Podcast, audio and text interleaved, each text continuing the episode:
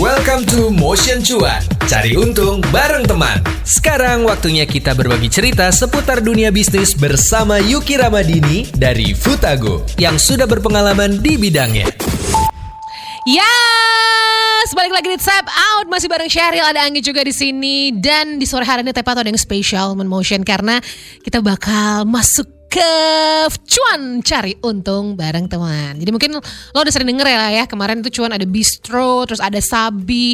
Nah itu tuh sekarang ini di cuan ini bakal ada di sore dan hari ini di sore hari ini kita bakal ngobrol soal um, apa ya awal mula bisnis dan juga mungkin gimana menghadapi tantangan-tantangannya. Pokoknya something interesting yang pastinya bisa menginspirasi teman motion terutama nih yang emang uh, jiwanya itu jiwa-jiwa entrepreneur gitu. Entrepreneur cocok gak gitu gue? Hah? Boleh. Boleh ya? Boleh. Ulang Gimana ya? ulang? Entrepreneur. Boleh. Agak monyong bibirnya, tapi nggak apa-apa. Jadi hari ini, sore hari ini, ini aku kedatangan secara virtual ya, kedatangan seseorang ya. Kalau misalnya teman motion tahu yang nama um, ada satu restoran namanya Futagoya. Bener gak sih Kak Yuki? Hai Kak Yuki. Betul, 100 buat kamu. Wah, udah kayak Kusi TV. Ya nama, nama, nama, password, password. Nama, password, password. Kak Yuki apa kabar?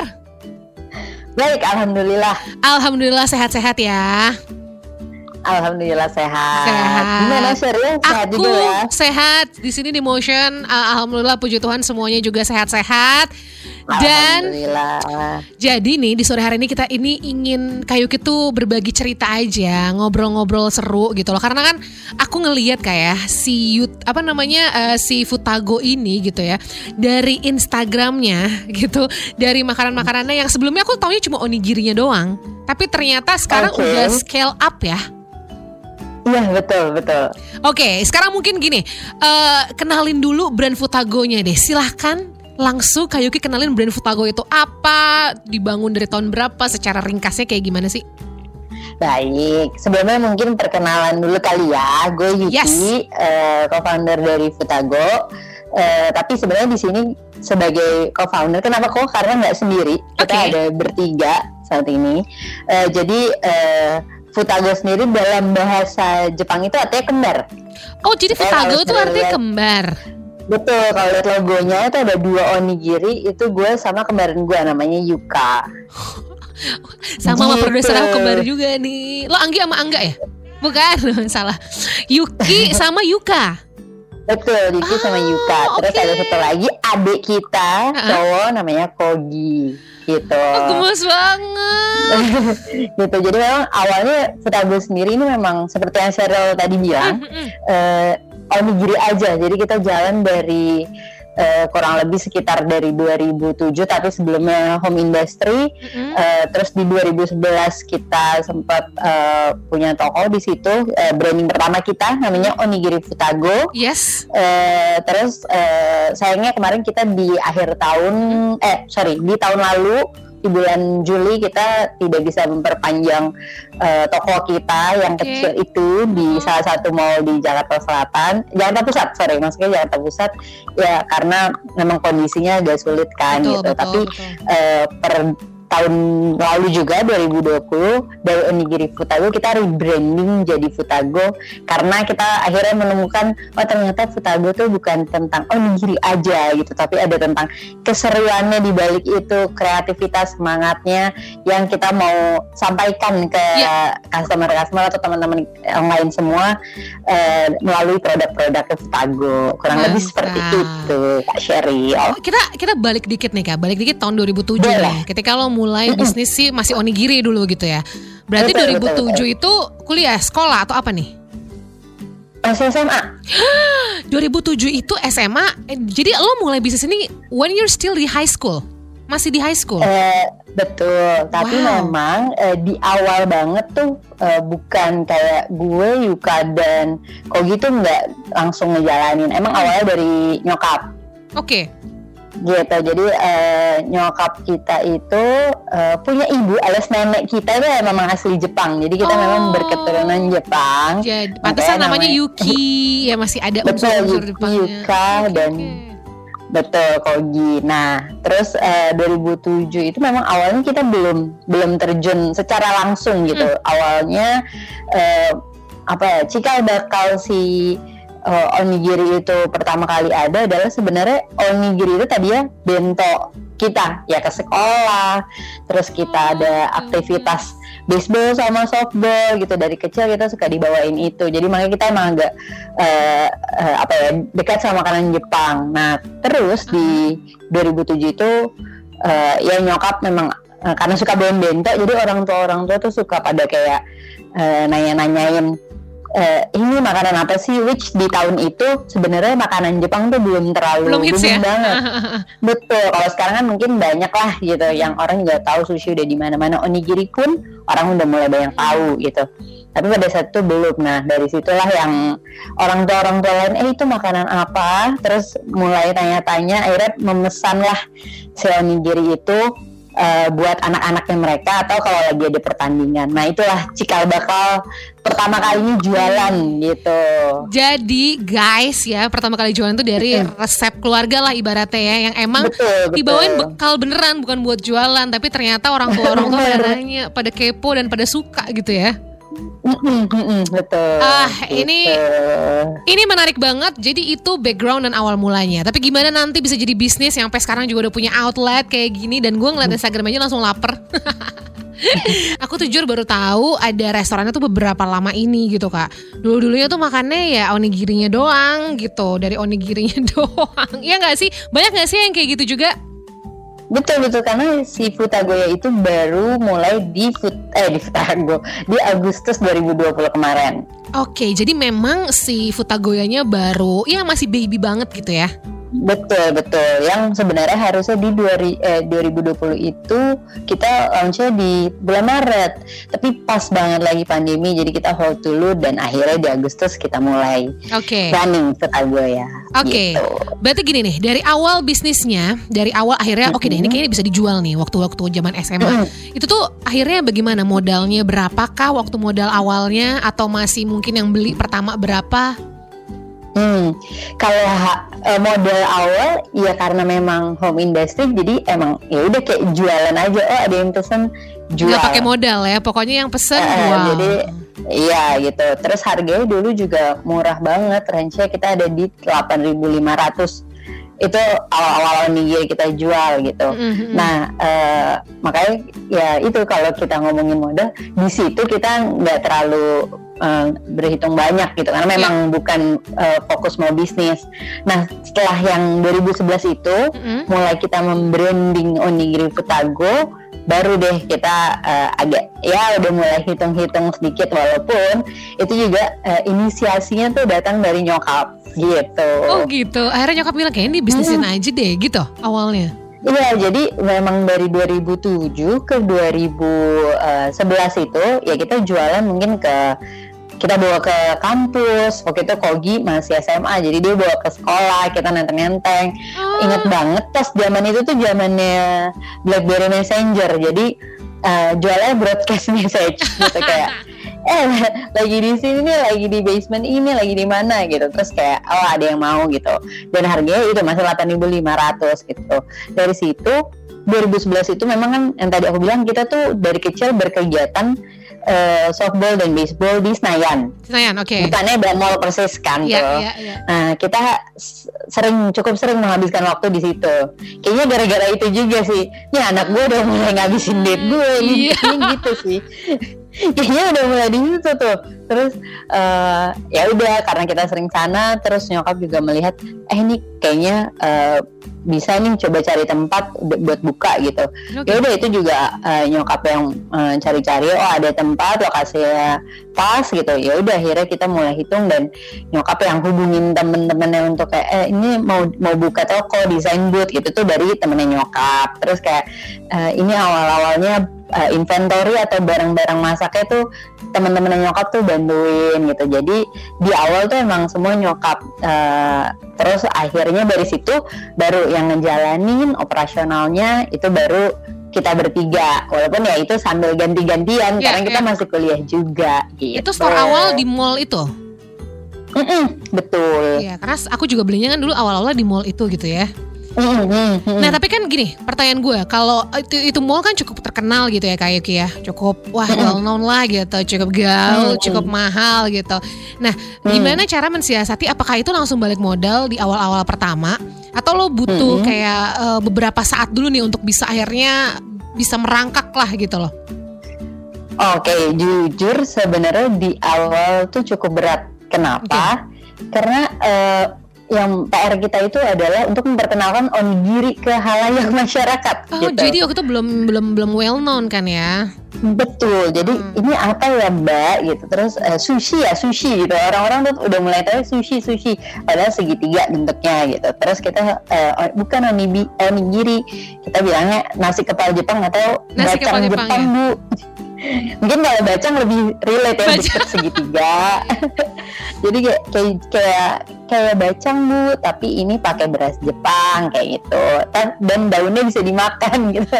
Karena karena gue masih inget banget pernah uh, ngelihat ada satu customer uh, kita yang uh, dia makan onigiri uh. terus kalau misalnya share tahu bungkus yang plastik itu kan tahu dimakan juga? dan nori-norinya dibuang ke tempat oh. sampah.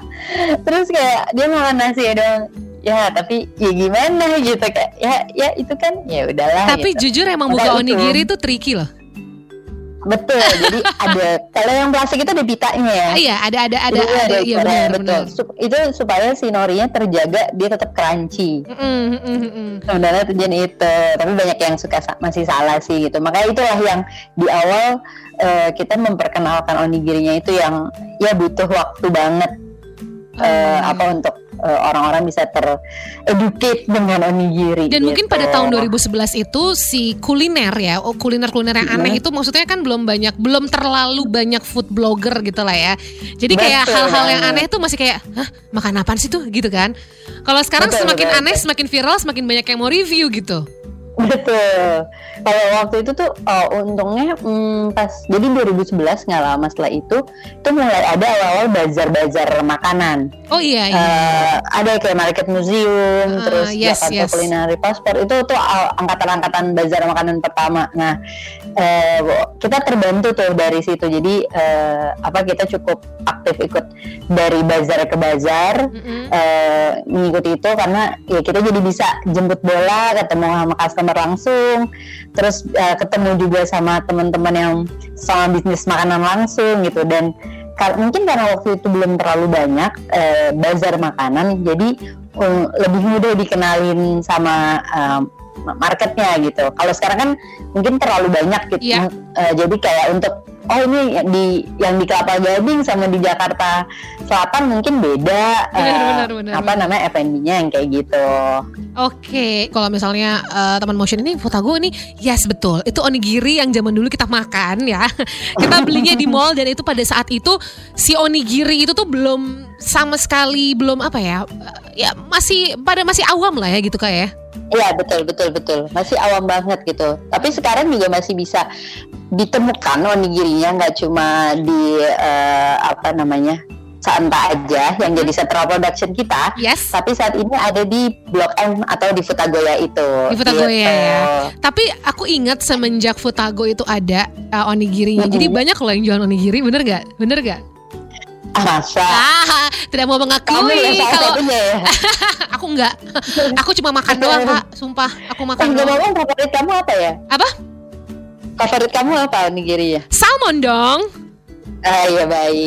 ya, itu yang favorit favorit kita juga sih salmai atau salmon iya, mayo. Iya salmon mayo bener. Nggak tahu ya karena yes. Iya. um, uh, di, di di di di apa namanya di onigiri kamu gitu ya, si salmonnya itu sama sekali nggak amis gitu loh aku tuh sukanya hmm. makan salmon adalah salmon mentah nggak tahu kenapa jadi kalau udah mulai yang salmon dimasak itu nggak terlalu suka tapi di Indonesia itu kayak dicampur sama si mayo rasanya kayak rich banget ya tahu gak sebenarnya kenapa nggak amis kenapa jadi kan kita kalau habis olahraga, hmm. habis olahraga keringetan, hmm. habis softball baseball tuh di depan. Nah kita langsung bikin onigiri.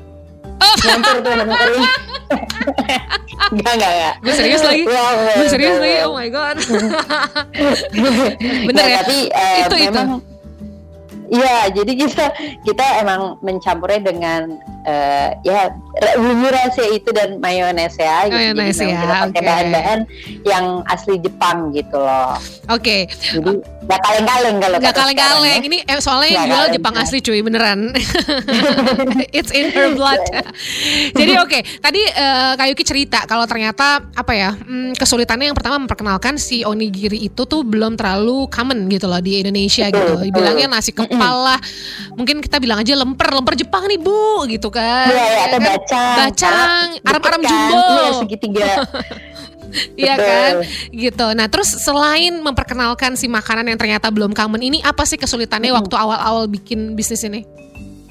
Hmm, kesulitannya apa ya? Mungkin karena waktu itu sambil kuliah ya. Oke, Jadi eh, di awal itu eh, oh, aku ingat yang paling sulit tuh mencari orang untuk bekerjanya kan. Karena Oh. berarti kita kayak baru mulai terus Iya.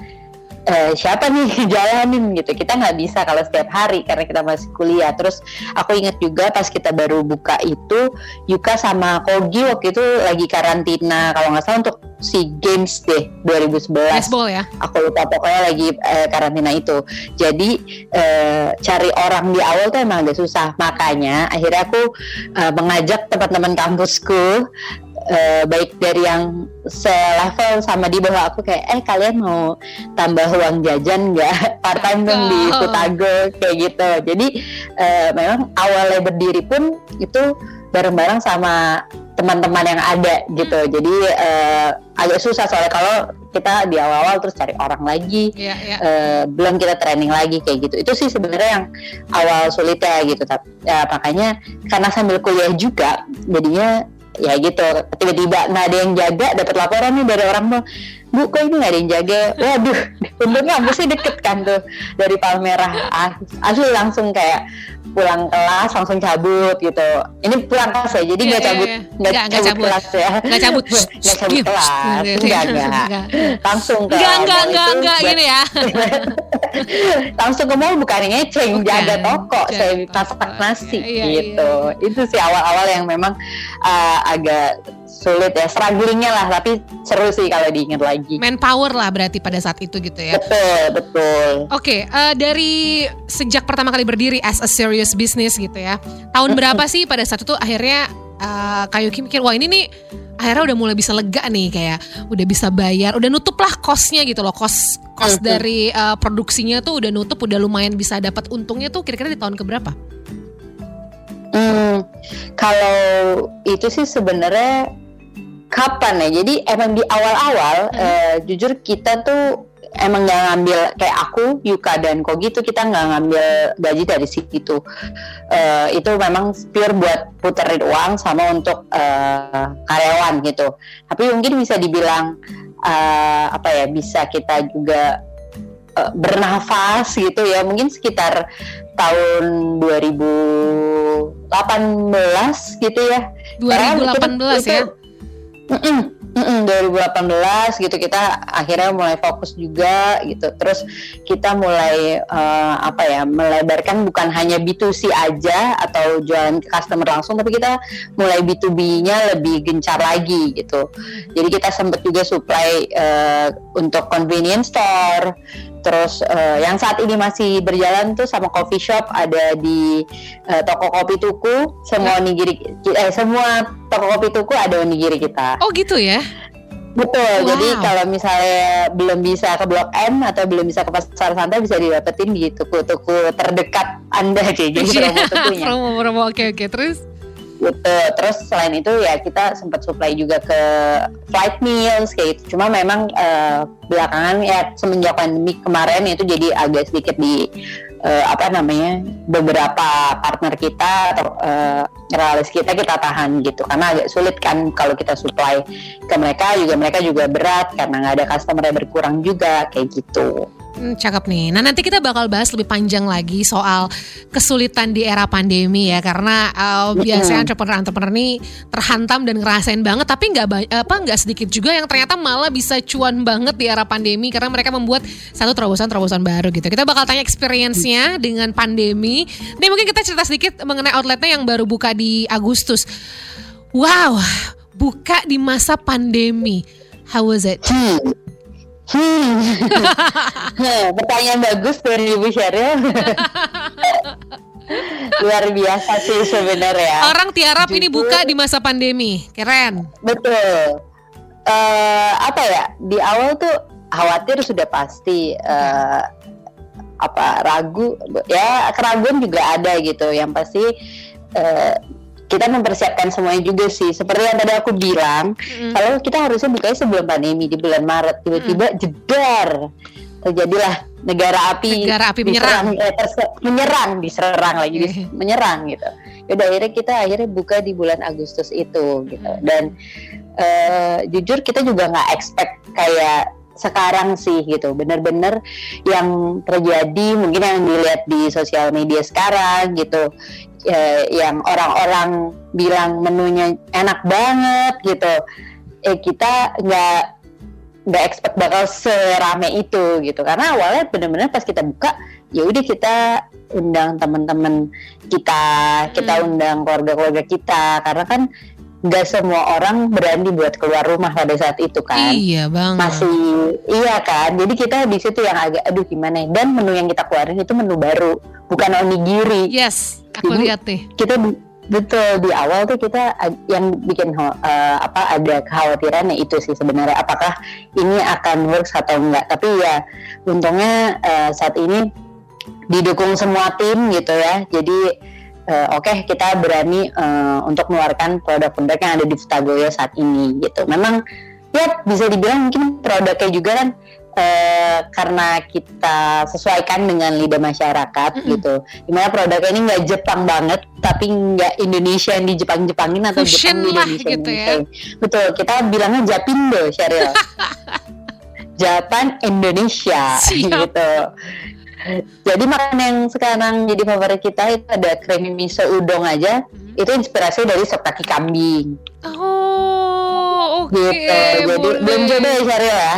Boleh. Uh, alamat okay, silakan lihat di bawah ini. Ya, ada di bawah ini. Siap tunggu aja. terus gitu. terus. Oke. Okay. Jadi akhirnya sampai sekarang sih kita sangat bersyukur banget sih gitu. Jadi sebenarnya di masa pandemi ini uh, Oke, okay, nggak terlalu mungkin karena lo expectation ya. Jadi akhirnya malah mungkin, mungkin. Uh, turns out ba lebih bagus daripada Betul. ekspektasinya gitu ya. Betul, karena sebelumnya kita ada di survival mode kan. Yes, benar. Kita jualan uh, apa namanya yang tadi kita ada toko terus kita semuanya dilakukan secara online kita juga waktu awal-awal pandemi muter cara gimana inventory bisa muter mm -hmm. uh, seperti pas kita di bulan uh, awal-awal pandemi akhirnya kita menjual uh, bahan-bahannya onigiri gitu. Jadi kita namanya futago di rumah. Jadi okay. uh, customer kita bisa bikin onigiri sendiri di rumah. Kita kasih berasnya, kita kasih salmon mayonya, kita kasih nori dan tutorialnya. Jadi kayak mereka bisa uh, bikin itu barengan sama keluarga, barengan sama pasangan di rumah gitu. Jadi tetap onigiri tersampaikan lah di yeah, rumah yeah, mereka. Yeah. Jadi gitu, itu cara survive-nya juga salah satunya juga. daripada hmm. bahan gak kepake terus jadi rugi segala macam. Kita bikin Betul. di rumah. Iya, karena kita menghindari dead stock kan. Yep, yep. Gitu. Bersyukur sih makanya kita bisa alhamdulillah bisa bertahan sampai saat ini gitu karena banyak banget yang ya mungkin beritanya juga waktu awal-awal Ebola gitu apalagi FNB yang besar-besar gitu banyak juga yang uh, turun ke jalan segala macam ya. Kayak. Iya, betul gitu. Tapi sebenarnya kalau menurut lo sendiri gitu Kak, apa sih sebenarnya uh, tips bertahan di era-era yang mungkin um, Ya oke okay lah, let's say ini pandemi ya. Tapi kan uh, kalau kalau seorang entrepreneur itu kan selalu ada ups and down. Jadi apa nih menurut lo saran-saran di mana kita lagi not in a good situation lah?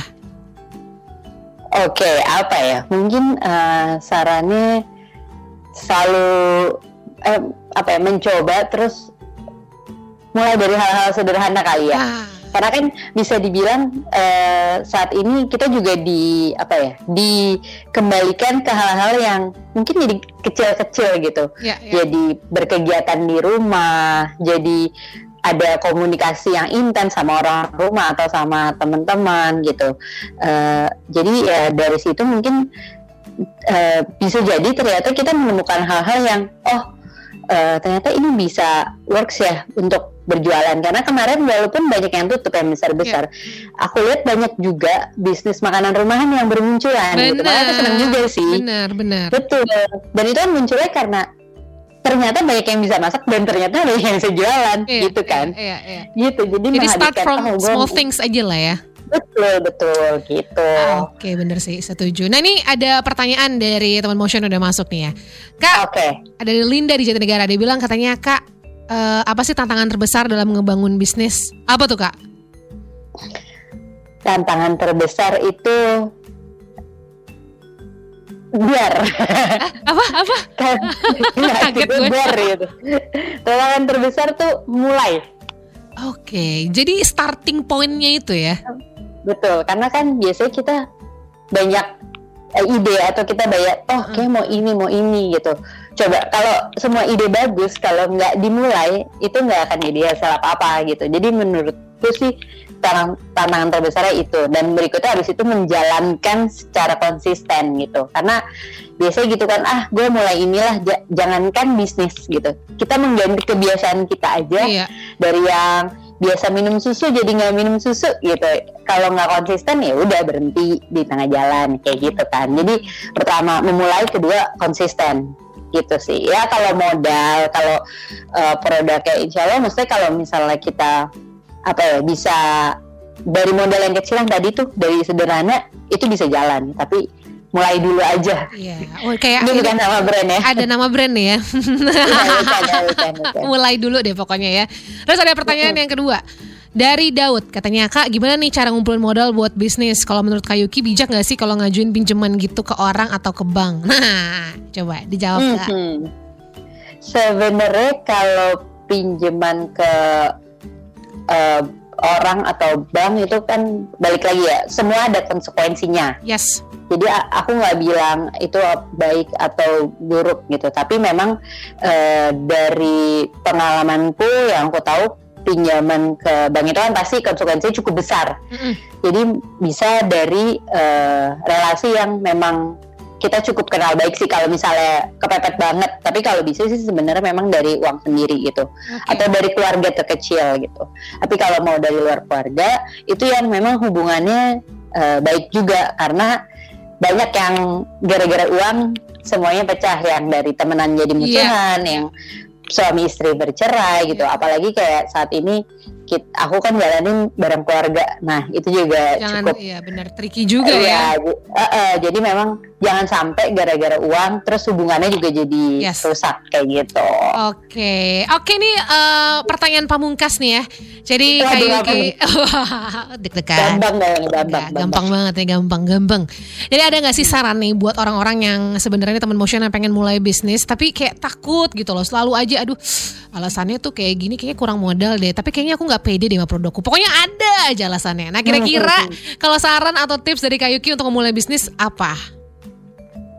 Eh, kalau aku sih sebenarnya balik lagi ke yang tadi ya untuk memulai eh, kita tetap mulai aja dulu tetap dipersiapkan dengan baik Mm-mm. diperhitungkan dengan baik gitu Eh, tapi mulai dari hal-hal kecil terus eh, konsisten gitu dan nanti kalaupun ada kendala atau ada eh, kekurangan nah itu eh, bisa dijadiin pelajaran gitu jadi emang pengalaman nggak ini mungkin terdengar klise Ya. tapi pengalaman itu udah penga- eh, pelajaran paling paling baik lah gitu karena biasanya gitu kan kalau belum kena batunya ibaratnya gitu ya belum tahu rasanya Belum gitu tahu. jalan aja dulu Benar. gitu. Jadi jalanin dulu, mulai dulu jangan banyakkan alasan gitu ya. Nanti sering dengan waktu bakal namanya trial and error. betul Keren. Cakep nih, Cocok. keren Cakep ya, cocok jadi PR ya. Gimana nih? Kak Yuki, thank you banget ngobrol-ngobrolnya ya. sama-sama Sheryl ya terima kasih juga Sukses terus eh Futagoyanya pokoknya bisa punya eh, 10 cabang di dua tahun ini lah ya. waduh amin amin amin satu tahun gimana waduh Satu tahun, wih, keren. Oke. Ngepus- ngepus diri sendiri Nanti aku mampir ya. Siap siap ditunggu Siap. Thank you. Sukses terima lah kasih. Sheryl dadah Itu dia Motion Cuan. Cari untung bareng teman di minggu ini. Tungguin obrolan-obrolan seru lain di Motion Cuan. Cari untung bareng teman. Sampai ketemu di episode minggu depan.